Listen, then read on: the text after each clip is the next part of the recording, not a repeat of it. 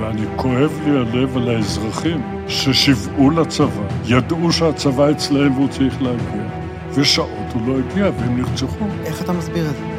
אני לא מצליח להבין איך הם לא הגיעו לכל המקומות מיד, עם כוח של כלום, עם עשרה שלהם, חמישה עשר לוחמים לכל מקום, זה היה משנה את כל גורל המערכה שלהם. אני הייתי שר אצל אהוד ברק, אצל שרון, אצל אהוד אולמרט, אצל נתניהו. אחת המשימות הכי קשות שלי הייתה, אני הייתי מפקד ההלוויה של רבין. וואלה. זו הייתה משימה, 11 בלילה, טלפון, הרמטכ"ל, הייתי בבית, לא ידעתי בכלום, הוא אומר לי, מתן, רבין נרצח, ואתה אחראי על. אין לי ספק שכיבוש עזה זו טעות קשה. זו טעות שאנחנו אחרי זה נשלם עליה, ומכיוון שכבר שילמנו פעם, אין טעם לעשות את זה עוד פעם. כמה פעמים אפשר לעשות את זה? החמאס לא חלם שהם ישמעו בבונקרים שלהם את המנועי טנקים שלנו מעליהם. מה זאת לא עלה אומרת? בדעתם. איך לא? ושהחיידקים שלנו הסתובבו שם בתוך המנהרות. זה שהממשלה עד עכשיו לא התאוששה ולא מבינה איפה היא חיה, זה חלק מהרמת האנשים שנמצאים שם. בדיוק, בדיוק. היום אני סומך, כן, באמת על אנשי הצבא שנמצאים שם. רוב הפוליטיקאים, הכיסא חשוב, אחרי זה.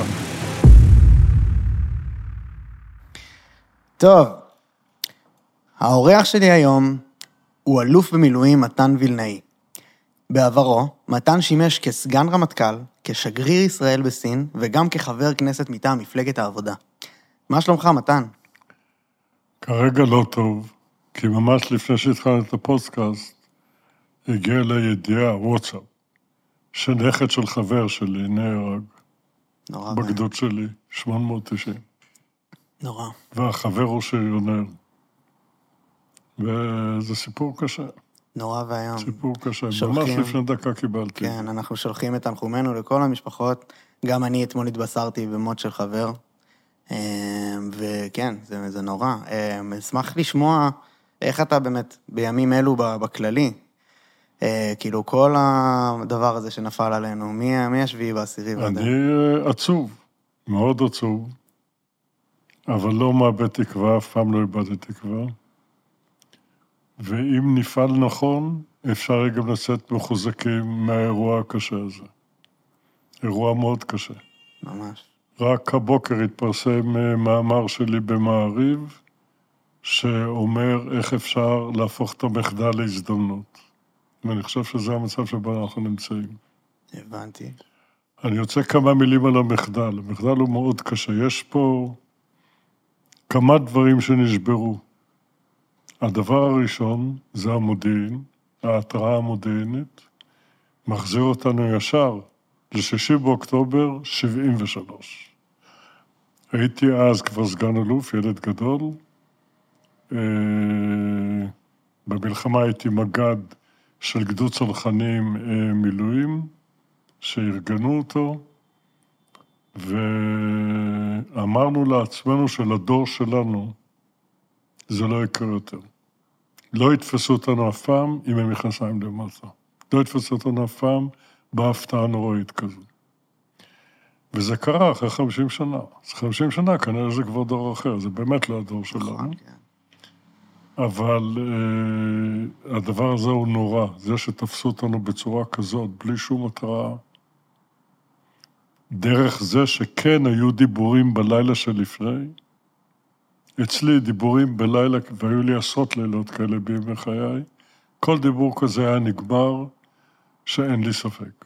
אם יש ספק, לי אין ספק. וככה הייתי פועל. וזה מה שלא קרה הפעם. וזה לא קרה הפעם, כנראה שזה דור אחר פשוט. וזה כן? ייחקר וייבדק. האנשים שאני מכיר, אנשי הצבא, כולם ראויים והם מליגה מאוד גבוהה, ליגה לאומית. וזה רק מקשה עד כדי כמה איך זה קרה להם. כן. כי אין שם אנשים רעים, או אנשים אה, לא אכפתיים, או מזלזלים. אולי לא איכותיים מספיק? הם אנשים ברמה מאוד גבוהה. היחיד שאני מכיר פחות או יותר זה את הרמטכ"ל, היכרות שטחית. הוא קרוי על שם דודו, שהיה חבר שלי, הייתי בגן הילדים בירושלים, הרצי, הרצי הלוי, ואת האחרים אני מכיר רק בשמות, לא, לא מעבר לזה. זה כבר דור אחר, זה שניים, שלושה כן, דורות אחריו. אבל המחדל הנוראי, אה, שראש אמ"ן ו- וגם אה, אה, הלוי, זה נשמע שהם כאילו, היה פה משהו שלא היה קורה בדור שלכם, או שאני טועה. גם אני חושב כך, והייתי בהלוויות, ואין הלוויה שלא ניגשו אליי מישהו ואמר לי, מתן, אצלך זה לא היה קורה. מה אתה אומר? כי הייתי אלוף פיקוד הדרום. כן. ואני הייתי בסביבה הזאת, ואני הצבתי את מה שקורה שם היום. אני התחלתי לעצב, וזה כבר השתנה מאוד. זה בכל זאת 30 שנה, זה הרבה זמן. החמאס זה כבר משהו שונה לחלוטין. אבל אה, אמרו לי, אצלך זה לא היה קורה. זה מין נחמה כזאת, נחמה פורטה, לא יותר מזה. והדבר השני, זה הפעולה הצבאית, המבצעית, ברגע שזה קרה. איך זה יישוב כמו בארי הגיעו אליו אחרי שעות ארוכות? איך זה נחל עוז הגיעו אחרי שעות ארוכות? מי שהגיע לשם בסוף זה הגדוד שלי, אותו 890, שהגיע עם מסוקים מבקעת הירדן. כן. זה דבר שגם אותו יחקרו ויבדקו, ואני רגוע בדבר אחד, הצבא יעשה את תפקידו כמו שצריך. הוא לא ימרח, הוא לא יספר סיפורים, הוא יבדוק את עצמו עד הסוף ויפסיק את המסקנות הנכונות. זה הצבא, לא הממשלה. אמרתי הצבא. כן. ואין ספק שהאמירה הכי פשוטה זה לכבוש את עזה. אבל זה פשטני לגמרי, וזה אומר שאנחנו תמיד נצטרך להילחם. אז קודם כל שיהיה ברור, בטווח הנראה לעין של הנינים שלנו, מדינת ישראל צריכה להיות מעצמה במזרח התיכון. פחות מזה, לא נשרוד. מעצמה זה לא רק צבאי, אבל ברור שזה מתחיל בעניין הצבאי. והעניין הצבאי תמיד ילווה אותנו שנים ארוכות קדימה. הבעיה היא שאי אפשר להפעיל כוח בלי מדינאות. גם כרגע, שאנחנו מפעילים כוח בעזה, ואני חושב שהמטרה שהציגו למבצע היא נכונה, זה לחסל את כוחו הצבאי של החמאס ואת כוחו השלטוני. אי אפשר לחסל את הרעיון, חמאס זה רעיון, זה האחים המוסלמים, המצרים נלחמים בהם כבר מתחילת המאה הקודמת, כן. והמצרים יודעים להילחם, ותולים את המנהיגים שלהם ודברים אחרים, הם ידעו לעשות את זה, והרעיון נשאר. רעיון לא הורגים עם טנקים ועם מטוסים. זה הרעיון הזה הוא קיים. ויש הרבה מדינות בעולם ערביות, מוסלמיות, שמחזיקות את הרעיון הזה. אבל כן להרוס את יכולתו לשלוט ולגרום לכך שהוא לא, לא הוא ולא כמוהו שכמותו ישלטו בעזה, וכן לשבור את כוחו הצבאי, את זה צה"ל יכול לעשות והוא עושה את זה. ואז מה? מה יהיה אחרי זה? אז אני שומע את כל העניינים שמשטחים את עזה וכל המייצרי המרבדים האלה, שמעתי אותם. זה קשקוש, זה מילים לצורך תקשורת, זה לא מילים שאפשר לעשות את המעשה. כן, אתה, אתה בטוח? יש את, אה, היה פה אה, תת-אלוף אמיר אביבי, שהוא קורא לזה גם כן, אה, לכיבוש עזה, והוא אומר שזה הדבר הביטחונית הכי חכם עבור מדינת ישראל. כן, יש לו יתרון עצום, הוא לא יודע על מה הוא מדבר, זה לא יתרון קטן. לא יתרון קטן. אנחנו היינו בעזה, כבשנו את עזה. הגדוד שלי, דרך אגב, בששת הימים כבש אותה, גדוד 202 של הצנחנים, כבש את עזה. בפיקוד של ברזני, שהיה אחרי זה ראש עיריית אה, רמת גן. והיה מפקד משמר הגבול, כן, היה גם מפקד משמר הגבול. כבשנו את עזה. ישבנו בעזה עשרות שנים. כשאני הייתי אלוף פיקוד, כל שנה היו נהרגים לי 20-25 חיילים בעזה, בתקריות, באירועים. החמאס גדל בעזה, הרבה גופים קיצוניים גדלו בעזה. אז הם אומרים עוד פעם לכבוש את עזה? להיות שם שוב? אתה אומר, החמאס גדל כשהיינו שם? בטח, כן, החמאס גדל כשהיינו בתחילת האינתיפאדה הראשונה, בשנת 78, משהו כזה. אה, כן, 88. 82, נראה לי. לא, אחרי זה, אחרי 82. אה, אוקיי. התחיל החמאס לגדול, עכשיו החמאס הוא, הוא ילד חורג של האחים המוסלמים המצרים. אבל אפשר לטעון שההתנתקות אפשרה לו לפרוח. ההתנתקות אה, אפשרה לו לפרוח, אבל לא הייתה... מי עשה את ההתנתקות? מי עשה את ההתנתקות? אריק שרון. גדול מנהיגי הימין, אריאל שרון. ברור. שהוא הכיר את עזה גם כן, אני הייתי מג"ד, שהוא היה אלוף הפיקוד, הכיר אותה לפני ולפנים.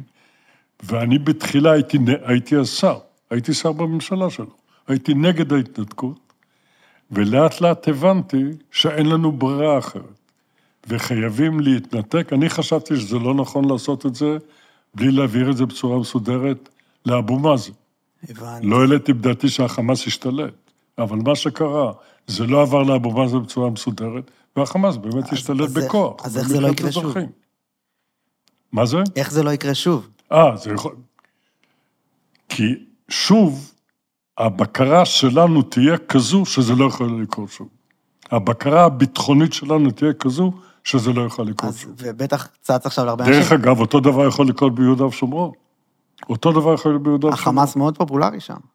חמאס מאוד פופולרי בכל מקום בחברה הפלסטינית, הוא, הוא פופולרי בכלל בעולם הערבי ובוודאי בחברה הפלסטינית, ואחד האיומים עלינו שזה, לא, שזה יקרה ביהודה ושומרון.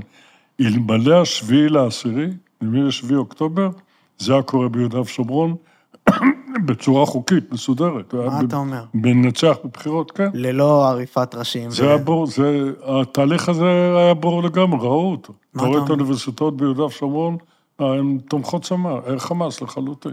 וואו. לכן התופעה הזו זו תופעה קשה, שלא פותרים אותה רק בכוח. ובלי ספק, כרגע צריך להכות אותם כפי שמכים אותם. וצריך למנוע מהם, הם צריכים להישאר בגדר רעיון. צריכים להישאר בגדר ארגון חברתי.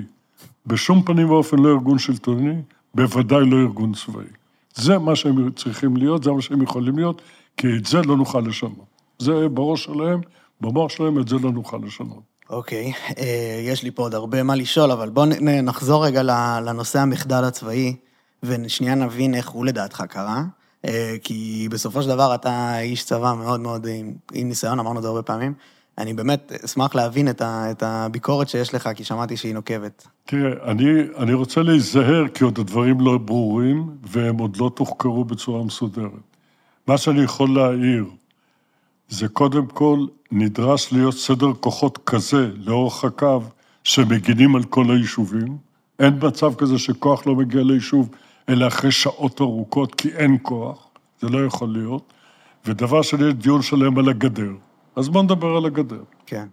כשאנחנו עזבנו את עזה בהסכם אוסלו ב-94, מאי 94, לא הייתה גדר לאורך הגבול בעזה.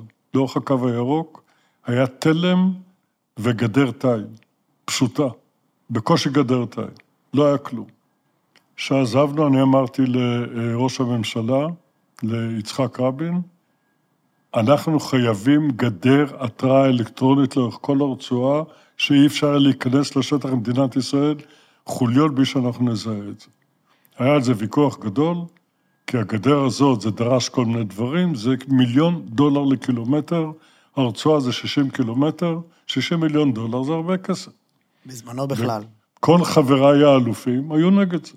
אמרו, אין על מה לדבר, מה, לא הולכים לעשות שלום, זה משהו אחר. ואז היה דיון אצל יצחק ורבין, והוא כמעט אמר שלא תהיה גדר, ואני חשבתי שאני קם ומתפטר, אני לא יכול להרשות את זה לעצמי, בתור אלוף שמופקד על השטח. אבל אז הוא הוסיף, מכיוון שמתן מתעקש, והוא מכיר את עזה יותר טוב מכולנו, נבנה גדר. והוא הציל אותה.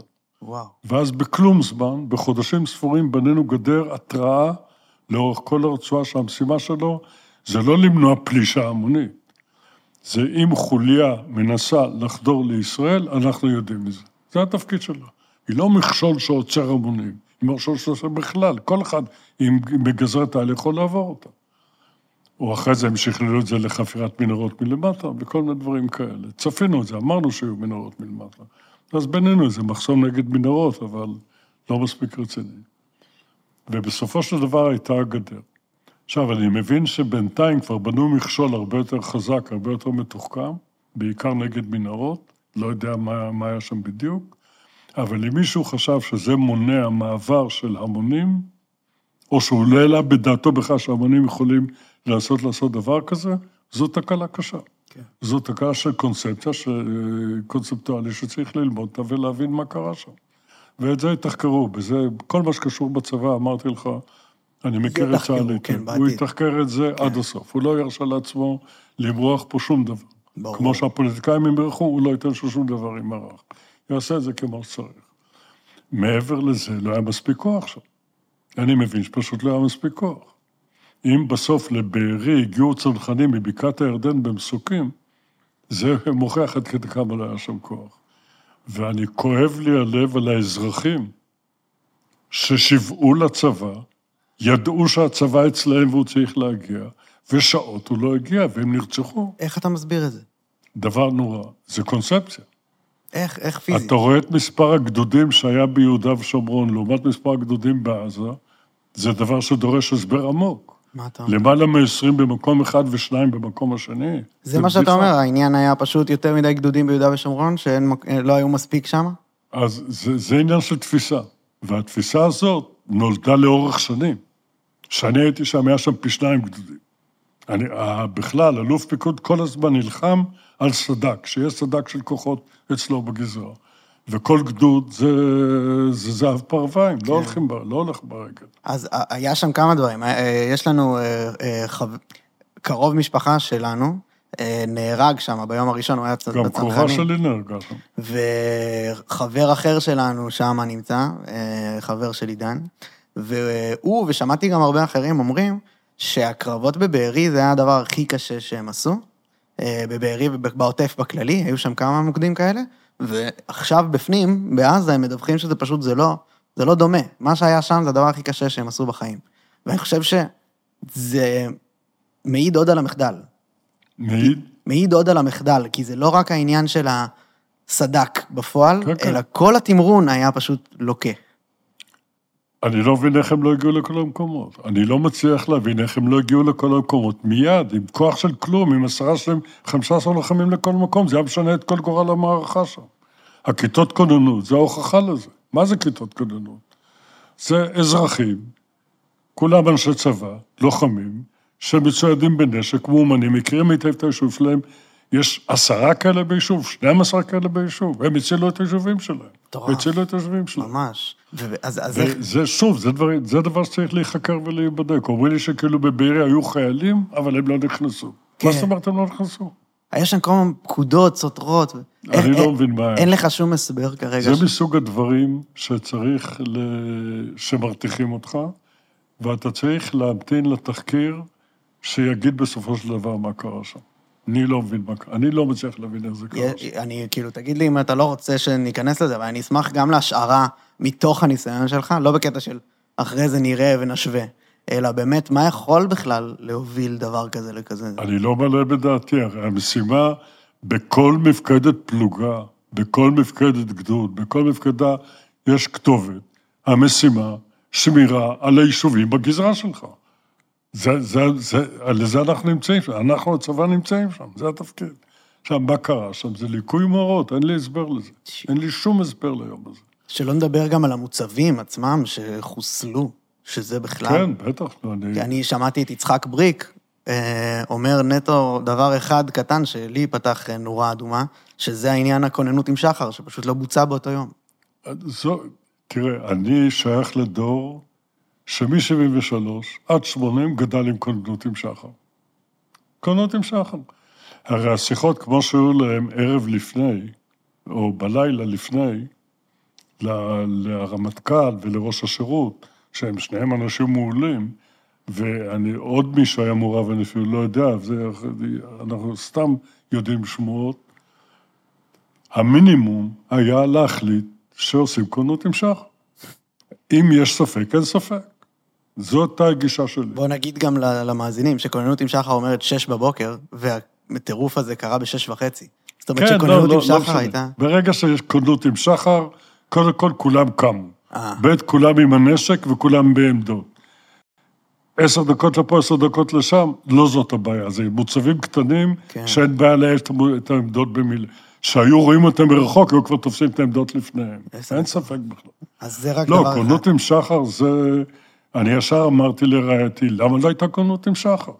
אני חייתי עם כוננות עם שחר. איך אתה מסביר את זה? ואין לי הסבר לזה, אין לי שום הסבר לעניין הזה, זה המינימום הנדרש ברגע שיש ספק, אין ספק. אז יצחק בריק מדבר על העניין של ה... אה, לא יודע אם זה קונספציה, אבל פשוט החוסר תפקוד. הצבא פשוט נחלש ברמה הערכית. לא, אז אני לא, אני, אני לא מקבל את זה. לא? אני לא מקבל. אני מכיר את בריק היטב, ישב, אני מכיר אותו, שנים ארוכות. אני לא מקבל את זה. הם קודם כל, תראה איך הם לוחמים עכשיו בעזה. עושים את זה מצוין. אולי אבל רובם מילואים. כאילו, מדובר על אנשי לא, סדיר. לא, לא, לא, לא. קודם כל, כל הסדיר, החי"ר הסדיר כולו בעזה. גבעתי, גולני, צנחנים, אה, נחל, כולם שם, הם שם, כן. והם לוחמים. והסדירים הכי טובים, הם יותר, הם עולים על המילואים מבחינת היכולת שלהם, למילואים יש את הוותק והניסיון, שזה לא, שזה לא יסולא בפז, אז זה מאוד חשוב. המילואים גם, כי זה יחידות שאני פיקדתי עליהן, אני מכיר שם הכל לפני ולפנים, ממש. כן. ואני מזכיר לך את הצבא של 2007 בלבנון. תחשוב על הצבא של הפלזמות ב-2007 בלבנון, לצבא של 2023 בעזה. ובעזה זה מורכב, כמו לבנון, זה מורכב מאוד, ועושים את זה מהמעט שאני רואה, ואני נפגש פעם בזמן עם דובר צה"ל, יש קבוצה של אלופים שנפגשת איתו בזום, עם אחד מאלופי המטה הכללי, הפגישה האחרונה הייתה עם סגן הרמטכ"ל, לפני זה עם אלוף פיקוד הדרום, ואנחנו שומעים, אה, והפקד גדל 36, שגם כשהייתי צעיר הייתי בתפקיד הזה, שהוא לוחם בצפון עזה, הוא לוחם בעיר עזה, ואנחנו שומעים את המפקדים ומדברים איתם, זה מאוד מעניין. Mm-hmm. הם עושים את זה כמו שצריך. והצבא, תחשוב על זה, אנחנו מדברים על השביעי לחודש, בכלום זמן התאושש. הממשלה עד הרגע הזה לא התאושש. נכון, כן. הצבא התאושש ומתפקד, והוא בשיא הלחץ נמצא, בשיא הלחץ הוא נמצא שם, ועושה את זה מצוין. עושה את זה ממש מצוין. אין לך ביקורת על התנהלות כרגע של הצבא בפנים? הצבא, ממה שאני רואה, תמיד יש ביקורת. עושה את זה כמו שצריך. עושה את זה היטב, עושה את זה היטב. כן. החמאס לא חלם שהם ישמעו בבונקרים שלהם את המנועי טנקים שלנו מעליהם. מה זאת אומרת? לא העלה בדעתו. איך לא? ושהחיידקים שלנו יסתובבו שם בתוך המנהרות, והם עושים את זה כמו שצריך. איך הם, איך הם לא דמיינו את זה? אני יכול לשפוט את זה רק לפי מספר הנפגעים. מספר הנפגעים מוכיח, וכל נפגע זה עולם ומלואו, מוכיח שהם עושים את זה נכון. נכון. עושים את זה נכון, כך זה נראה לי. אוקיי. מהמעט שאני שמעתי וקלטתי, זה נראה לי בסדר גמור. אוקיי, אז יש כמה כיוונים שדברים לא נסגרו, שאני אשמח שניגע. אחד, זה מה עושים אה, עם עזה, מפה. מה עושים עם, כאילו, אוקיי, ניצחנו, נגמר, חיסלנו את החמאס, או מה שזה לא יהיה. מה עושים אחרי זה? אה, וכן, כאילו, האם אתה חושב שבאמת נגיע למטרה הזאת ובהקדם, האם זה ייקח חודשים, שנים? תראה, זו השאלה עכשיו, זו השאלה שעכשיו המנהיגים צריכים לשאול את עצמם כל הזמן, ואני אומר רק את הכיוונים, מה לא. בשום פנים ואופן לא נשארים בעזה לתקופה ארוכה. בלבנון נכנסנו ויצאנו אחרי 18 שנה, אני הוצאתי את צה"ל מביירות, אני הייתי מפקד צה"ל בביירות, הייתי ראש עיריית ביירות עם 200 טנקים, זה לא מורכב כל כך, אבל אני הוצאתי את צה"ל מביירות ואני גאה בזה. אסור להיתקע בעזה, בשום פנים ואופן, כי תמיד אפשר להגיד אין פתרון אחר, אז בינתיים צה"ל יהיה. הבינתיים הזה הוא מאוד מסוכן. אני הייתי סמג"ד שהתחילו להתיישב שם, היישוב הראשון היה בנצרים, במרכז עזה, מדרום לעיר עזה, בין העיר לנחל עזה, ושאלנו את עצמנו מה אנחנו מתיישבים פה. אנחנו, שהיינו סתם צנחנים בסדיר, אמרנו, מה, מה אנחנו מתיישבים כאן? שאלנו את השאלה הזאת, וידענו מה אנחנו שואלים. אז לא חוזרים להתיישב בעזה, לא נשארים לכבוש את עזה, זה צריך להיות, ולא מגרשים את העזתים. אלה שלושה דברים שצריכים להיות ברורים. זה מה שלא עושים. אז אפשר, אה, בוא ניכנס לכל אחד רק להבין למה לא. אה, אה, את הכאילו התיישבות שמה, אני חושש שזה הולך לשם. אני לא, לא חושש בקטע שזה לא הצעד הנכון, אלא חושש לשלום האנשים שעומדים להיות שם. זה אומר, אומר הרבה הרבה לא, מוות. לא, אין, אין מה לחפש שם. אין סיבה לגור, אין סיבה להיות שם. אין שום סיבה להיות שם. מלבד איזה שיגעון של ישיבה, כן. לא יודע, אין, אני לא יודע להסביר. זיקה יהודית למקום... אה, אין, זה לא אזור שיש בו מסורת יהודית, שאפשר להגיד, אנחנו מחדשים את המסורת. כן. אין, בגוש קטיף ישבו יהודים רק מתי שישבנו בגוש קטיף, כן. זה לא היו שם כפרים כן. יהודים. גוש קטיף גם, הוא, הוא במקום מאוד מאוד בעייתי, הוא בצד לא נכון של המפה. לכן בעזה אין מה להיכנס לתוך מקום צפוף, מלא בפלסטינים. כן. מה שמאפיין את עזה קודם כל זה פליטים. עזה זה מערכות פליטים ענקיים, שעכשיו אנחנו נמצאים בחלק מהם, בשאטי, בג'באליה, שזה מחנה פליטים ענק, שאטי הוא יותר קטן. אבל צפוף בצורה בלתי כן. רגילה, אין מה להידחף לשם, אוקיי. אין מה להידחף, משום זה, בחינה. זה הסיבה להתיישבות. יש את העניין של הכיבוש הצבאי, של כמו באמת דרום לבנון, אתה אומר גם זה, זה אומר חיילים מתים שנים ולא כדאי. לא, אין מה לעשות, לכן אני אומר, את זה אנחנו לא עושים. לא, לא כובשים. אה, הבנתי. אמיר אביבי אה, ציין שהוא הפריד בין שני עניינים פה, שיש התיישבות של אה, אה, אה, אזרחית ויש התיישבות צבאית כביכול, שהיא נטו במטרה לבסס נוכחות ביטחונית. זה שטויות. פעם התיאוריה הזאת הייתה, אפילו אמיר לא יודע את זה, כי לא היה שלום עם המצרים, שזה חיץ בינינו לבין המצרים. כן. זה שהקימו את גוש קטיף, זה היה טרום השלום עם מצרים, אז אמרו, זה החיץ בינינו לבין המצרים, יכולת לדון בזה, אבל היום אפילו גם זה לא קיים. אנחנו, אם המצרים נמצאים במצב שונה לגמרי, ויש את כל מדבר סיני, חיץ ענק בינינו לבינם, עם הסכם הפרדת כוחות וכל, אה, שלום וכל מה שכרוך בזה. אוקיי. ביטחונית, אין מה לחפש בעזה, נקודה. כל מי שמספר לך על ביטחון בעזה, זה הזיות שפשוט יובילו אותנו למקומות לא טובים, והדוגמה הקלאסית זה דרום לבנון. לא צריך להתאמץ. מה שהיה לנו בלבנון. ולכן, צריך להבין שבעזה לא מתיישבים, לא צבאית, לא לא אזרחית. כובשים. לא כובשים אותה. מי שישלוט שמה זה פלסטינאים. ואתה אומר, העניין השלישי שלא לעשות זה לא לגרש. לא? לא לגרש, אמרת. אה, ברור שלא לקרש, אז- כן, כן. כן, גם, הרי השרים אומרים הרבה שטויות, גם זרקו שם פצצת אטום. ברור, לא, לזה אפילו לא. ניכנס, אבל, אבל העניין הוא של גירוש, זה לא, זה כוונה של למצוא... לא עוסקים, אז אמרתי, לא מתיישבים, לא מגרשים ולא ממציאים המצאה שיושבים ביטחונית. כן. אין דבר כזה לשבת ביטחונית. אתה יושב ביטחונית, אתה אחראי על החינוך ועל המים ועל הפיפי של הילדים שם, על כן. הכל אתה אחראי. אז אתה אומר כלום. שום דבר. פלסטינאים, רק פלסטינאים יעשו את זה, שפלסטינאים ישלטו בעצמם. אין סכנה במדינה פלסטינאית שכנה אלינו? יש סכנה. יש סכנה כל הזמן. מדינת ישראל באופן קבוע בסכנה, והשביעי לאוקטובר זה דוגמה ליום הכי שחור שהיה לנו, שמוכיח, לכן אמרתי קודם, חזקים מכל בחינה, אין דיון על העניין, זה מובן לגמרי. גם הנינים שלנו, לא רק... פעם אמרנו, אנחנו האחרונים שמתגייסים, אגדת העם. ברור. עוד דורות אחרינו התגייסו גם כן, זה, זה מהותה של מדינת ישראל. ולכן בעזה רק פלסטינים יכולים למשול.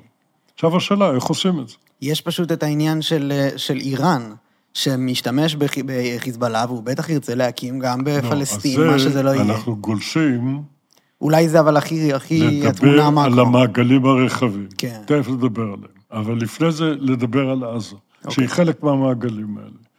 מי שימשול בעזה זה הפלסטינאים.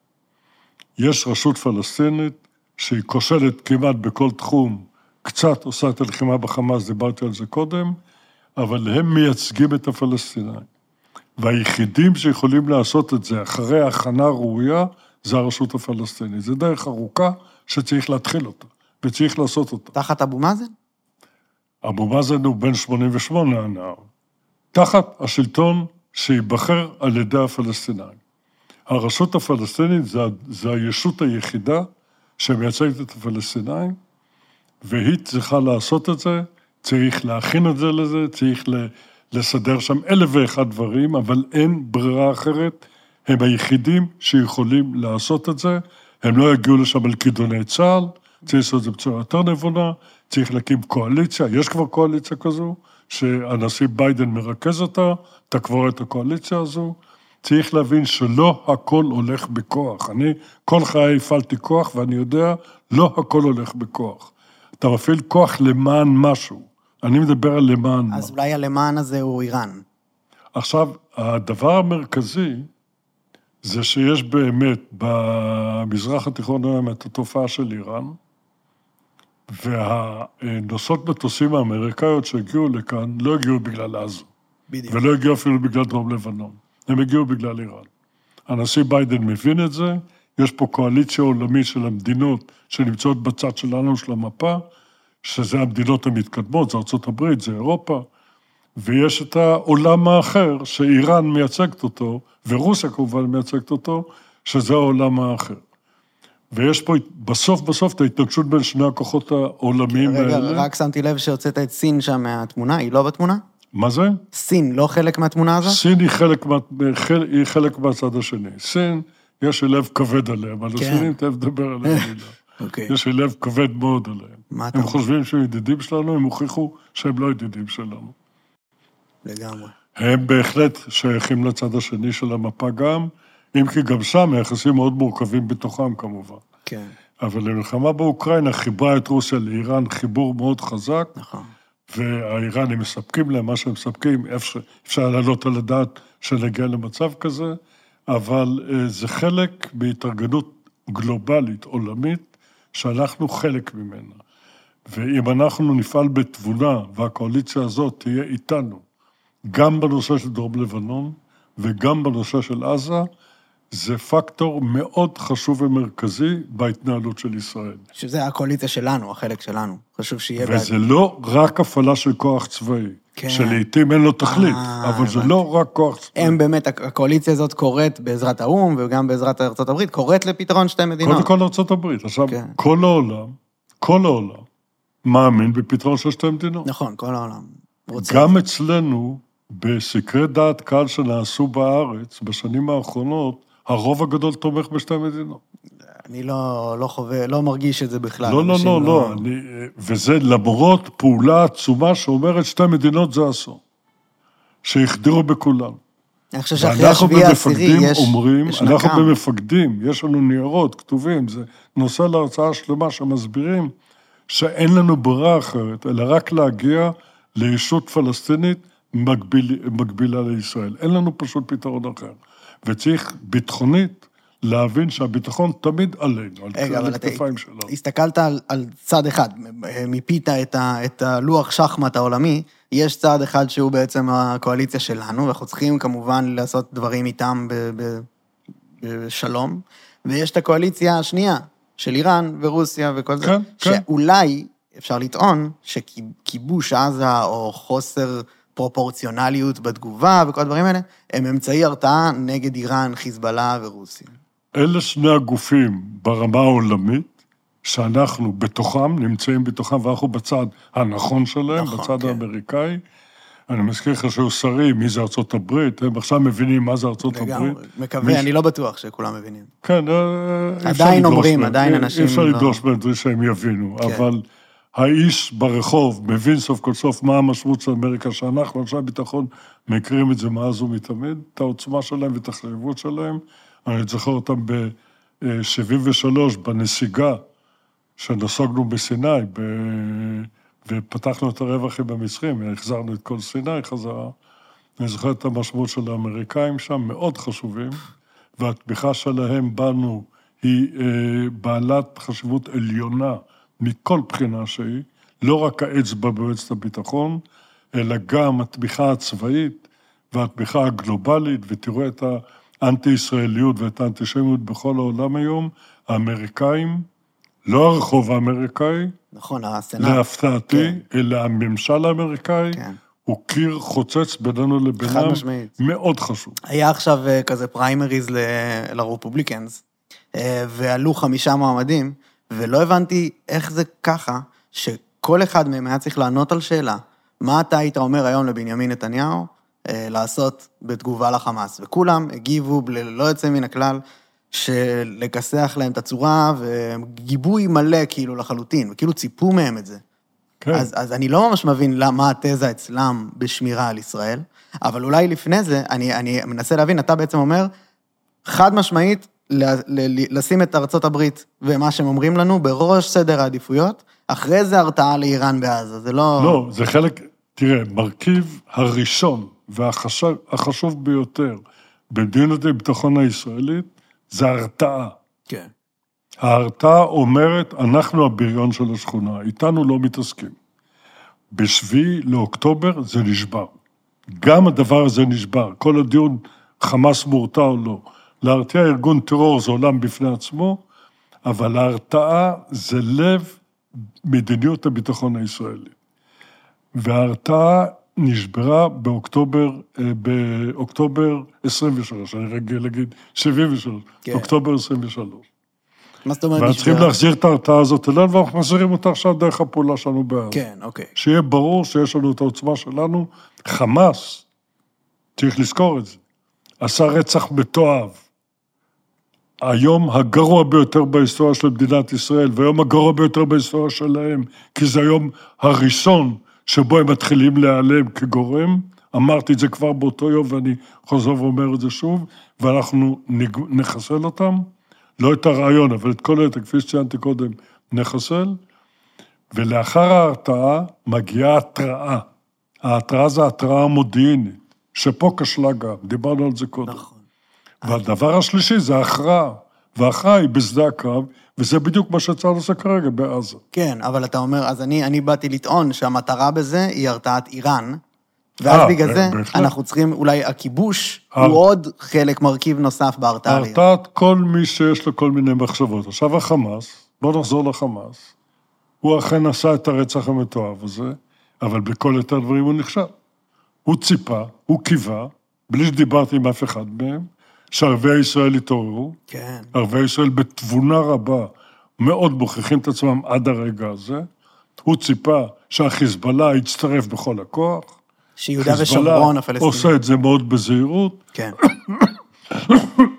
והוא ציפה שביהודה ושומרון תהיה מהומה, וגם היא לא קרתה. נכון. כל הדברים האלה עוד יכולים לקרות, צריך לזכור את זה, זה מאיים עלינו. זה חלק מהמעגל שנמצא מסביבנו. ובתוך המעגל הזה, או מנהל את המעגל הזה זאת איראן, אין ספק בזה. עכשיו, אין לי, אני לא ברור לי אם איראן ידעה או לא ידעה על השביעי באוקטובר. יש... אבל אני... היא הכינה אותו. היא הכינה אותו, מימנה היא... אותו. אני כן. מניח שמבחינת ביטחון שדה הם לא גילו להם כדי שזה לא ייחשף. הם החזיקו את זה במעגל מאוד מאוד מצומצם. כן. כפי שהמצרים עשו ב-73. אבל האיראנים הם ללא ספק התומכים והמכינים הגדולים ביותר של החמאס, אין ספק בזה. אז, אז כמה דברים. דבר ראשון, אומרים שכאילו הם אה, לא רק אה, אה, ידעו, אלא הם עכשיו כועסים עליהם, כי היה תוכנית לאיזו קואליציה שיוצאת עלינו בבת אחת מכל הכיוונים, והחמאס הפרו את זה, אז יש עכשיו איזשהו משבר כן, אמון. כן, אז יש, כן, זה, זה מסוג השמועות שתתרוצץ לה כל הזמן. כן, אוקיי. אנחנו לא, לא נדע לזהות מה האמת, אבל אנחנו יודעים דבר אחד ברור. האיראנים תמכו בחמאס לאורך כל הדרך. נכון. יחד עם ממשלת ישראל, צריך לזכור את זה. אז אולי כיבוש עזה, ונוכחות, כמו שאמיר אביבי טוען, היא עוד מרכיב בהרתעה, שאיראן וכל שאר החיזבאללה וכל אלה לא ירימו את הראש. כיבוש עזה, המשמעות זה מלחמה קבועה בתוך עזה, שאנחנו כבר עשינו אותה, והחלטנו שהיא לא טובה לנו, ויצאנו משם. אז לחזור לעשות את זה עוד פעם?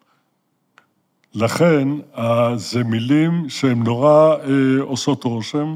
הבנתי. והן נורא כאלה, כן, בטח, נכבוש אותם, ננצח, אנחנו חזקים. פופוליסטיות. ומה אחרי, זה פופוליסטי לחלוטין, ומה אחרי זה? הבנתי. ומה אחרי זה? זה עוד פעם יציאה מעזה עם זנב מקופל. כמה פעמים צריך לעשות את זה, כדי לראות שזה לא עובד. לכן השיטה הזאת, בוא נכבוש אותם, לדעתי כבר צריכה לצאת מהלשון מה, מה, מה, מה שלנו. כן. צריך להבין שאנחנו נמצאים במקום אחר. כן. והברירה היא לא ברירה טובה וברירה רעה. זה ברירה יותר וברירה פחות, זה ברירות רעות בכל מקרה. ואין לי ספק שכיבוש עזה, ולא במקרה ראש הממשלה מיד אמר את עזה לא נכבוש. הוא הבין את זה. אין לי ספק שכיבוש עזה זו טעות קשה. זו טעות שאנחנו אחרי זה נשלם עליה, ומכיוון שכבר שילמנו פעם, אין טעם לעשות את זה עוד פעם. כמה פעמים אפשר לעשות את הניסוי הזה? אוקיי, מקבל לגמרי. אני אשמח שנחזור רגע הברית. מה לדעתך הסיבה של התמיכה הגדולה הזאת בנו? אני לא לגמרי כן, מבין את זה. ארצות הברית, פעם אמרנו הקהילה היהודית שם. צריך להבין שהקהילה היהודית הברית היא באמת השנייה בגודלה אחרי הקהילה במדינת ישראל כמובן. היא אה, רובה, צריך להודות בזה, לא מתעניינת בישראל. נכון. ככל שעובר הזמן מהשואה, ה-survivor זה מושג בארצות הברית של השורדים, הדור השני והשלישי כבר לא מתעניין בנו, הוא במקום אחר לגמרי. הוא כבר לא פרו-ישראלי כפי שהוא היה. יש משהו עמוק במערכת הקשרים שאנחנו חולקים את אותם ערכים בין הברית של אמריקה לבין מדינת ישראל. כן, אתה חושב שזה... והדבר הזה, זה הדבר שמחזיק אותם.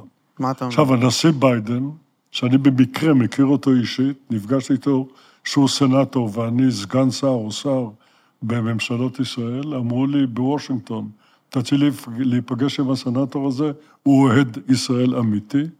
נפגשתי איתו כמה פעמים, אוהד ישראל אמיתי, אי אפשר להסביר את זה. הוא לא יהודי, בהתחלה חשבתי, הוא בטח יהודי, לא, הוא לא יהודי, הוא מדלוור, אה, והוא אוהב את ישראל.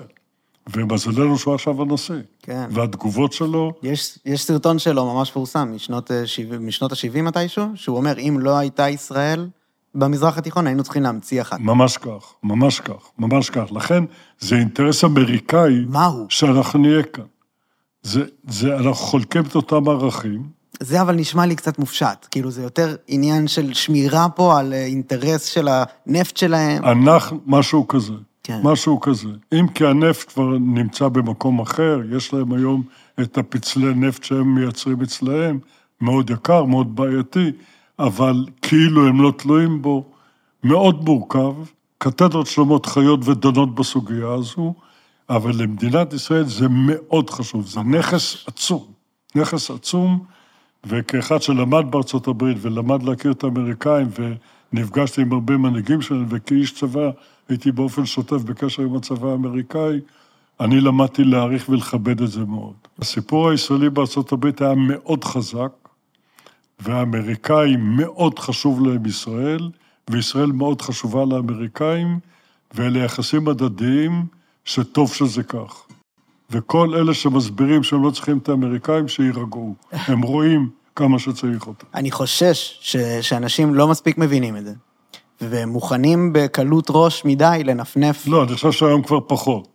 אתה, אתה מדבר על הפיקוד. אני חושב ש... אני מניח שעכשיו כבר פחות. הממשלה שלנו היום אה, מורכבת מהמון המון אנשים שממש מזלזלים בזה. הממשלה הזו היא תקלה קשה, מאוד קשה, ואני לא עוסק היום בפוליטיקה, אני עזבתי את הפוליטיקה בדעה צלולה. חבל. אין לי שמץ של געגוע לשם, כלום. אני הייתי שר אצל אהוד ברק, אצל שרון, אצל אהוד אולמרט, אצל נתניהו, אצל מי שהיה שם עוד, אני כבר לא זוכר. לא, לדעתי ספרתי את כולם, הייתי שר אצל כולם. גם רבין, לא? רבין אה, לא היית שר. רבין נרצח כשאני הייתי עוד בצבא. כן, אה, אוקיי. אחת המשימות הכי קשות שלי הייתה, אני הייתי מפקד ההלוויה של רבין. וואלה, זו הייתה משימה, נורא. 11 בלילה, טלפון, הרמטכ"ל, הייתי בבית, לא ידעתי בכלום, הוא אומר לי, מתן, רבין נרצח? הייתי בשוק, אה, לא הייתי, בכלל לא, ידע, לא הבנתי את זה. היו איזה שמועות, אבל לא יותר מזה, ואתה אחראי על ההלוויה. אתה מפקד ההלוויה. ומאותו רגע עשינו את ההלוויה הזאת. וואו, זו איזה המשימה אחריות. הכי קשה שלי. אתה גם אה, מאוד מאוד מאוד מעריך את מה הפעולות זה, זה שלו. היה דבר נורא. מה, רבין היה נושא הערצה שלו. נושא הערצה. נושא הערצה, לא עניין פוליטי בכלל. נושא הערצה. מה היה בו? הוא היה צנוע. זה דבר בעייתי להיות בפוליטיקה הישראלית צנוע. אה, מאוד אה, כזה לנקודה, עוסק בדבר לנקודה, עם חוכמה רבה מאוד, עם אה, הבנה של אנשים. היו נכנסים אליו משפחות שכולות, שעות היו יושבות איתו. כל הלאור זמנים היה משתבש ברגע שמשפחה הייתה יושבת אצלו, והוא תמיד התעקש שבאות משפחות, מתן, הייתי אז ראש אכ"א, יהיה איתי. מה אתה אומר? וישבתי איתו בעשרות פגישות כאלה, ולמדתי לה, להכיר את הרגישות שלו. הוא היה כזה כאילו קשוח, אבל כן. הייתה לו רגישות לאנשים בלתי רגילה, וכושר חשיבה מדהים, ומין נאמנות כזאת למדינת ישראל, נאמנות שלא תלויה בדבר. בלי חישובים, היו אומרים לו המפלגה, הוא היה עושה ככה עם היד, הייתה לו תנועה כזאת עם היד.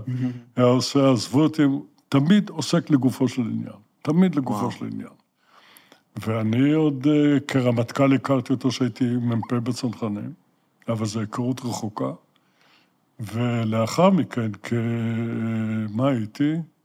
סגן רמטכ"ל שהוא נרצח, ולא, שהוא, כל זמן שהוא היה בפוליטיקה, אני הייתי במדים. כל זמן שהוא היה בפוליטיקה, אני הייתי במדים, כן. אוקיי. לא עבדתי איתו אף פעם כפוליטיקאי. אז בעצם הגענו אליו מזה שמנית את האלה שהיית איתם ואתה לא רוצה לחזור לזה. אז אתה אומר, אתה עם פוליטיקה סיימת. הפוליטיקה היום היא דבר שונה לגמרי. האנשים הם ברמה שונה לחלוטין, ואין לך חשק להיות שם. מה אתה אומר? אין שום סיבה להיות. יש, אה, הייתה פה לינור דויטש, עורך דין לינור דויטש, היא מנכ"לית לובי 99, שהלובי הציבורי הראשון, אזרחי. עוד לא יצא הפרק הזה, כי הוא צולם לפני ה- אה, שזה יצא, ה- שהמלחמה התחילה, אבל היא נגעה שם בנקודה ממש ממש מעניינת, שנקראת משמעת קואליציונית. כן. היא אומרת שזה המחלה של הכנסת היום, שיותר חשוב שאתה תצביע כמו שאומרים לך, מאשר שיהיה לך איזשהו מצפון שאומר לך מה לעשות. היא אומר- אמרה נכון. והבעיה הכי קשה שאני מאתר, שבליכוד הדבר הכי חשוב זה המשמעת הקואליציונית, ואחרי זה מדינת ישראל. יואו. אצל רבין, קודם כל המדינה. היו אומרים לו, זה טוב למפלגה, הוא אומר, המפלגה, אני מעניינת אותי מדינת ישראל. ברור שלפי תפיסת עולמו. אותי מעניינת המדינה, זה... אין ספק. היום, מה פתאום? קודם כל הליכוד. איזה קטע. ואנחנו משלמים על זה מחיר, מחיר אנחנו כבד. לא גם מידרדרים יותר ויותר לתוך, כן, לתוך הכיוון נכון, הזה. נכון, נכון, אז נכון. מה, אז אני, אני חושב שעכשיו הממשלה עומדת לא לשלם את המחיר, אני חושש מזה. היא לא יכולה שלא לשלם את המחיר. כן? אני מקווה כך. אני חושב שהם יצאו. מזה. זה לא יכול להיות. אלף ומאתיים, שלוש מאות הרוגים, זה מספרים מטורפים. אנשי המילואים יחזרו חזרה משדה הקרב, זה לא יכול להימשך. זה לא, אני לא רואה לזה סיכוי. פשוט ר- מהר, מהר מאוד היה ניתן לראות, באמת, נגענו בזה בהתחלה, שאנשי הצבא לקחו אחריות, אפילו בני גנץ וגלנט גם, אם אני לא טועה, אה, כאילו כל אנשי הביטחון בישראל, ואנשי הממשלה, אף אחד מהם עד עכשיו לא לוקח אחריות, חוץ מבודדים שמתפטרים וכאלה. כי אנחנו, אנשי הצבא, מחונכים על ערכים אחרים, ומחונכים לקח, להבין את המש...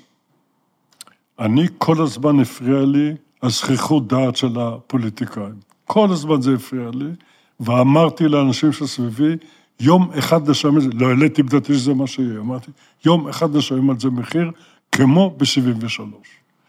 והזכיחות הזו, וחוסר ההבנה של מה שמוטל להם על הכתפיים, והציניות של מינויים בתחום הביטחון, לשים את אמסלם למופקד על נושא הגרעין, ברצינות, זה בדיחה, או לשים את אה, גילה גמליאל כאחראית על נושא המודיעין, זה בדיחה. זה מין זלזול כזה במערכת הביטחון. זה א', יש עוד את כל שאר המשרדים החסרי כן, חשיבות. כן, זה אני לא מדבר, כל כן. מיני משרדים, מורשת, מסורת. מסורת, כן. כן, ממציאים כולם משרדים. אותו דבר כן, ולא עושים אנחנו- כלום. אנחנו- אני, שהייתי קצת בפוליטיקה, הייתי איזה 15 שנה שם, אני מכיר את זה גם כן לא רע, מכיר את זה היטב. דרך אגב, אין משרד שעוסק בהגנת העורף. אני הייתי שר להגנת העורף. כשאתה שומע על ממ"דים בעוטף עזה, זה אני עשיתי את הממ"דים בעוטף עזה. כשאתה שומע על ראשי ערים שמתפקדים בערים שלהם, במלחמת הלבנון השנייה, אני מזכיר לך, ראשי ערים עזבו את הערים שלהם. הם בכלל לא הבינו שהם אחראים. זה כביכול אמור להיות הביטחון אני הלאומי, כשר לא? בניתי את זה, אני כשר קבעתי את זה, לא אני קבעתי, בן גוריון קבע, אני גיליתי שבן גוריון קבע את זה בחוק אה, שהוא חוקק בשנות החמישים, שראש העיר הוא יושב ראש ועדת מלך של העיר, קרי, הוא מפקד העיר, ככה אני תרגמתי את זה. אני תרגלתי תרגילים לאומיים של הדבר הזה, של מה שקורה לנו היום. לא עשו את זה, גם עכשיו כבר לא הפסיקו לעשות את זה. כביכול זה אמור להיות השר לביטחון לאומי, לא? היה שר, אז זה שטויות, כל מיני שמות. אני הייתי שר לביטחון, להגנת העורף. אני עבדתי צמוד עם אלוף פיקוד העורף, עם יאיר גולן, שהוא איש מעולה, הוא בפוליטיקה והוא איש מצוין. אה, עבדנו ועשינו את כל הדברים שהיום מתפקדים כמו שצריך. זה לא היה דבר פשוט, לא היה דבר פשוט, וזה נפסק, כי כנראה לא היה שם מינויים פוליטיים או שטות כזאת. אז איך, איך, אין שום, ממשלה של שלושים וכמה שרים, אין אחד שעוסק בביטחון, אני קורא לזה החזית, המושג דרך אגב זה לא עורף. המושג שלי חזית אזרחית.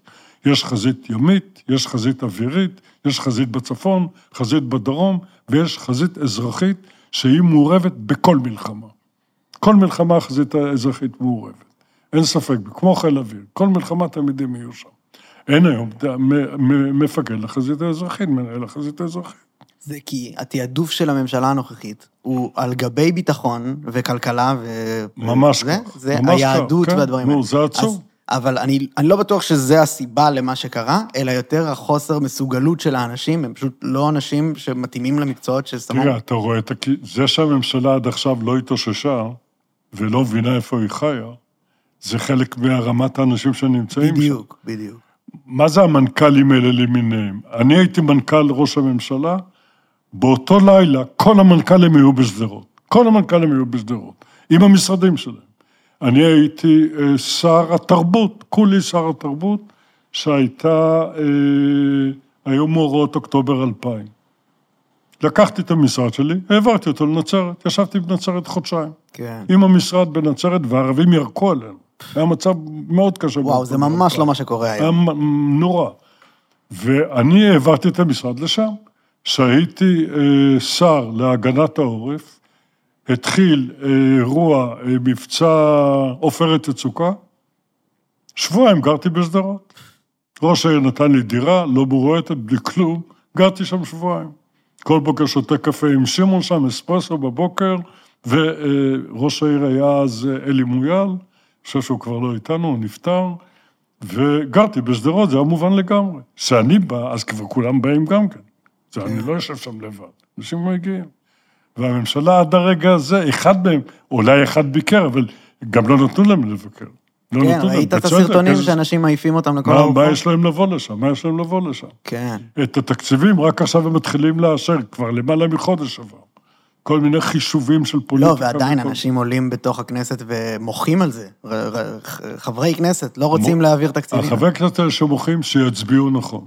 שיצביעו נכון. זהו, אה, מוחים זה במילים, שיצביעו נכון, זה המעשה. אנחנו, אה, אה, התכוונתי לכאילו אנשים שהם, אה, שבאים ו- ותוקפים, אני לא זוכר את השם שלו, אבל חבר כנסת אה, מהיהדות, מהציונות הדתית, אה, עלה ליהדות התורה, סליחה, עלה והתחיל אה, להגיד שהוא לא מוכן שהתקציבים יעברו לביטחון. כאילו, התקציבים מהמורים שלו, של הלימודים. מה שנקרא תקציבים הקואליציוניים. כן. אה, לא מוכן שזה יעבור לביטחון. לא מוכן. נו, לא שמענו שם. אה, ברצינות? ברצינות. איזה חוצפה. חוצפה. ככה? אה, אתה מבין? זה, זה, וזה קורה שם על בסיס יומי. כן, ו- אני מבין. ומה שאני... מבין. אני לא... אני אני מבין. לא... אוקיי, אנשים שקובעים את גורל מדינת כן. ישראל במגזר החרדי, הם כאלה שקודם כל לא שירתו בצבא. עכשיו, לא שירתו בצבא... הם לא מאמינים גם באתוס הביטחון, הם לא חושבים שזה מה שחשוב. זה, זה עניין הרבה יותר עמוק, זה לא שהוא פיזית לא שרת בצבא. כן. הוא לא חושב שהביטחון חשוב, הוא לא חושב שהביטחון הוא חלק ממנו, הוא לא מבין את המשמעות של ביטחון, והוא מקבל החלטות. כן. הוא מקבל החלטות. אז זה- רק מראה לי על כמה הם יכולים בקלות... דמוקרטיה, רגע, שינוי... אז איש שלהם, כן. טוב, נו, אבל גם יש לו שר אוצר שעובד איתו. בדיוק, איתו, מישהו, כן, מישהו כן, משלו עולה שם ופשוט זועם כן. על הכנסת. כן, נכון, נכון. משהו מדהים, אני לא זוכר את השם הממשלה שלו. הזאת היא אבל- קטסטרופה, היא קטסטרופה. אז אני. רוצה, אז, אז העניין הוא שיש לך שינוי דמוקרטי כזה עושים בבחירות. כמובן רצח רבין זה נקודה שסותרת את זה בהיסטוריה, אבל אנשים ממשיכים להצביע להם בכמויות היסטריות, בגלל זה אני לא בטוח שיהיה שינוי. אנחנו מדברים פה בתל אביב כן, ושנקין, כן, כן, כן, אתה צודק, אתה צודק. אנשים לא מסכימים איתנו בכל הארץ. יכול להיות, כן, יכול להיות. לא, וגם ראש הממשלה בונה על זה שככל שיעבור הזמן, ישכחו. ישכחו, כאילו. אני מכיר את זה, כן. אני מכיר את זה. לא, אבל העובדות קודם כל הן ברורות. יש דברים ש... תראה, לאחר מלחמת 73, מי שנבחר זה מפלגת העבודה. לדעתי היו בחירות עוד בדצמבר, כבר היו בחירות, ומפלגת העבודה זכתה ברוב עצום. מה זאת אומרת? רגע, דצמבר- הפשלה האיומה של אוקטובר 73. אתה אומר דצמבר, אבל זה, זה עוד במלחמה? שהם מגויסים. כן. שהם בכל מקרה מגויסים, כן. וואו. העברנו קלפיות לכל מיני חורים נידחים כדי להגיע לאנשי מילואים, כן. מה אתה אומר? שהצה"ל היה מגויס, בו, יותר גדול ממה שהוא מגויס היום, נכון. מאות אלפים היו מגויסים, אז חצי מיליון, מספר עצום. היינו במלחמה גם בצפון וגם בדרום. ובבחירות העבודה ניצחה, חרף כל מה שקרה באוקטובר 73. אז זה, ורק ב-77 בגין העיף אותם מהשלטון. זה תהליך ארוך, הפוליטיקה זה תהליכים אחרים, כן, אז אתה אומר. ששנים זה יישאר ככה אולי, עד שנצליח לעשות איזשהו שינוי. זה אני, אני כבר לא, אני ממש כבר לא בעניין, אני בקושי יודע מי האנשים. כן. אני מכיר את העמדות שלהם. זאת הבעיה, אתה מבין? זאת לדעתי הבעיה. אבל... אה, האנשים, אנשי הצבא והאנשים האלה שבנו את המדינה ואלה שאנחנו הכי צריכים אותם בחזרה בממשלה, אז אני, לא אני חוזרים. סומך, היום אני סומך, כן, באמת על אנשי הצבא שנמצאים שם. זה מין חינוך כזה שקיבלנו, לא אומר שכולם הם גאונים, אבל הם אנשים שהמדינה חשובה להם. רוב הפוליטיקאים, הכיסא חשוב להם, אחרי זה המדינה. המדינה היא במקום אחר. זה אחד הדברים שלמדתי מיצחק, מרבין למשל. אתם מטורף. זה היה מובהק אצלו בצורה ברורה. קודם כל המדינה, אחרי זה, אחרי זה אני והמפלגה וכל היתר. שיעור מאוד חשוב, מאוד חשוב. ממש מטורף. שאני אשמח שתיתן לנו עוד נקודה, אה, אולי אה, שאלה אחרונה, אבל ניכנס לסין. מה, מה באמת אה, יחסיך אחרי, היית שגריר, צריך להזכיר לכולם, שגריר ישראל בסין. כן. אני הגעתי לסין ממש במקרה. ממש במקרה. פנה אליי שר החוץ, אביגדור ליברמן, אמר לי, מתן, מה דעתך להיות שגריר ישראל בסין? הייתי שר אז, הייתי שר הגנת העורף. אמרתי לו, איווט, מה זה לא מעניין אותי בכלל, מה פתאום אני בסין? מה, אני אף פעם לא הייתי שגריר, אף פעם לא הייתי דיפלומט, מה יש לי לחפש שם? לא הייתי בסין אף פעם, מה יש לי לחפש שם? והוא אמר לי, תחשוב, תחשוב על זה. ולמחרת הוא קורא לי עוד פעם, היינו בכנסת, יום שני בשבוע, תמיד זה המושב ראשון של הכנסת, בשבוע, והוא אומר לי, מתן, התכוונתי ברצינות, חשבתי שזה בדיחה, התכוונתי ברצינות. וכך מצאתי את עצמי בסין. מה אתה אומר? הגעתי לסין. עשיתי תיאום כמובן בתחום הפוליטי, עם ראש הממשלה, עם, הוא פנה אליי, זה היה נתניהו, עם אה, אהוד ברק, שהיה ראש המפלגה שלי אז, והחלטנו שאני נוסע לסין. הסין, סין קודם כל זה משהו שונה לגמרי. זה לא ארצות הברית, זה לא אירופה, זה לא עוד מדינה גדולה, מעצמה השנייה בגודלה בעולם, ראשונה מבחינת, לא, ההודים כבר גדולים מהם היום, אבל היא ענקית מבחינת אוכלוסייה, היא תרבות אחרת, היא משהו שונה לחלוטין. ולקח לי זמן ללמוד ולהבין מה זה סין, ולהבין אה, מה הם מחפשים בישראל. זהו, יש להם את הנמל בחיפה. אז הסינים מחפשים בישראל טכנולוגיה. מה שאותם מעניין זה חדשנות, זה שיגעון שם בסין החדשנות זה עניין מטורף. הם מבינים שהיהודים זה האנשים הכי חכמים בעולם, הם בטוחים שכל אחד מאיתנו זה איינשטיין. מה אתה אומר? קו ההתחלה זה איינשטיין. ואני הייתי צריך להגיד להם, רבותיי, יש גם יהודים טיפשים, לא כולם חכמים. תשמע, ברמת אה, ממוצע ה-IQ, יהודים הם... יכול להיות, כן. יכול להיות, כן, יכול להיות. אבל שם למדתי להבין עד כדי כמה יש לנו באמת יתרונות. אבל הסינים זה שיגעון. והם מנסים לקבל מאיתנו טכנולוגיה וחדשנות, פאנקשין זה נקרא במנדרינית, ככל שניתן. והם ראו את עצמם כידידים שלנו. אבל באותה נשימה עצמה הם מחוברים לעולם הערבי, מחוברים לפלסטינאים, יש שגרירות פלסטינית בבייג'ין, כמו שבהרבה מדינות בעולם, יש, שגר, יש שגריר פלסטיני בבייג'ין, והם מחוברים אליהם, מכל מיני סיבות ואירועים, אבל הדבר המרכזי, כל מי שתחת חסות אמריקאית, הסינים לא איתו. כי הסינים הם מתחרים קבועים עם האמריקאים, אני לא רוצה להגיד אויבים, אבל הם מתחרים. הם נפגשים, המנהיגים ביניהם, ויש אה, יחסים כלכליים עצומים בין ארה"ב לסין, במיליארדי דולרים, במאות מיליארדי דולרים, בסכומי עתק, אבל, ויש אלפי סטודנטים סינים שלומדים הברית, כשאני הייתי שגריר, הם היו הסטודנטים הזרים, המספר הגבוה ביותר היה סינים, והם חוזרים לסין, ויש קשרים מיוחדים ביניהם, ויש תחרות קבועה בין סין לארה"ב, ואנחנו, תחת המטריה האמריקאית, דיברנו על זה קודם, אז הסינים לא איתנו. הם עם אחרים. ואתה כאילו, יש להם איזשהו רצון או תקווה שנעבור אליהם מארצות הברית, משהו כזה? זה עולם מורכב. כן. זה עולם מורכב. אני עכשיו כותב עליו ספר, אני עכשיו מתחיל להתמקד בתוך העניין הזה וללמוד אותו ולהבין שזה אותו. שזה, מה, מהו הנושא? אה, יחסי החוץ בין הנושא זה ישראל? היחסים של שלושת המעצמות, ארה"ב, סין, ישראל. וואו. והייתי אומר, בסין, ישראל מעצמה, אף אחד לא היה מזלזל. היה ברור שאנחנו מעצמה. לא במספרים, אלא יש לנו יכולות של מעצמה. ככה סינים ראו אותנו. ועכשיו הם גינו את התקיפה של החמאס בצורה יותר מדי מאוזנת, הם לא קלטו את הטבח הנוראי הזה באזרחים, ואמרו, כן, יחסים לא טובים, צריך לסדר את זה, כן. וכאילו אנחנו והחמאס נמצאים באותו מישור. וזו טעות קשה, הם- הם, שהם הם- הבינו אותה, עכשיו הם מנסים לתקן אותה, אבל כן. הם מה. מהגופים שפשוט אה, לא אמרו, לא קראו לחמאס ארגון טרור אפילו. לא, אני לא, לא חושב שהם קוראים לו ארגון טרור. הם לא, הם, הם לא זיהו שח... שהחמאס זה דאעש. כן. זה ארגון טרור פר אקסלנס, ממעלה עליונה, רוצח אנשים ללא חשבון, בצורה גסה כפי שהוא עשה ב-7 לאוקטובר ב- בעוטף עזה. בשאיפה הם לא דתית. קלטו את זה, הם לא קלטו את זה. כן. והם מנסים עכשיו לתקן, אבל זה סיפור. סיפור מאוד קשה, מאוד קשה. מה, אתה חושב שנשבר משהו במערכת יחסים? אני מבין שעכשיו בסין, שאני הייתי, אמרתי, אין אנטישמיות. יש גל אנטישמיות ענק בסין. בסין. ברשתות החברתיות. עכשיו, בסין, כל דבר קורה בח... בחסות של הממשלה.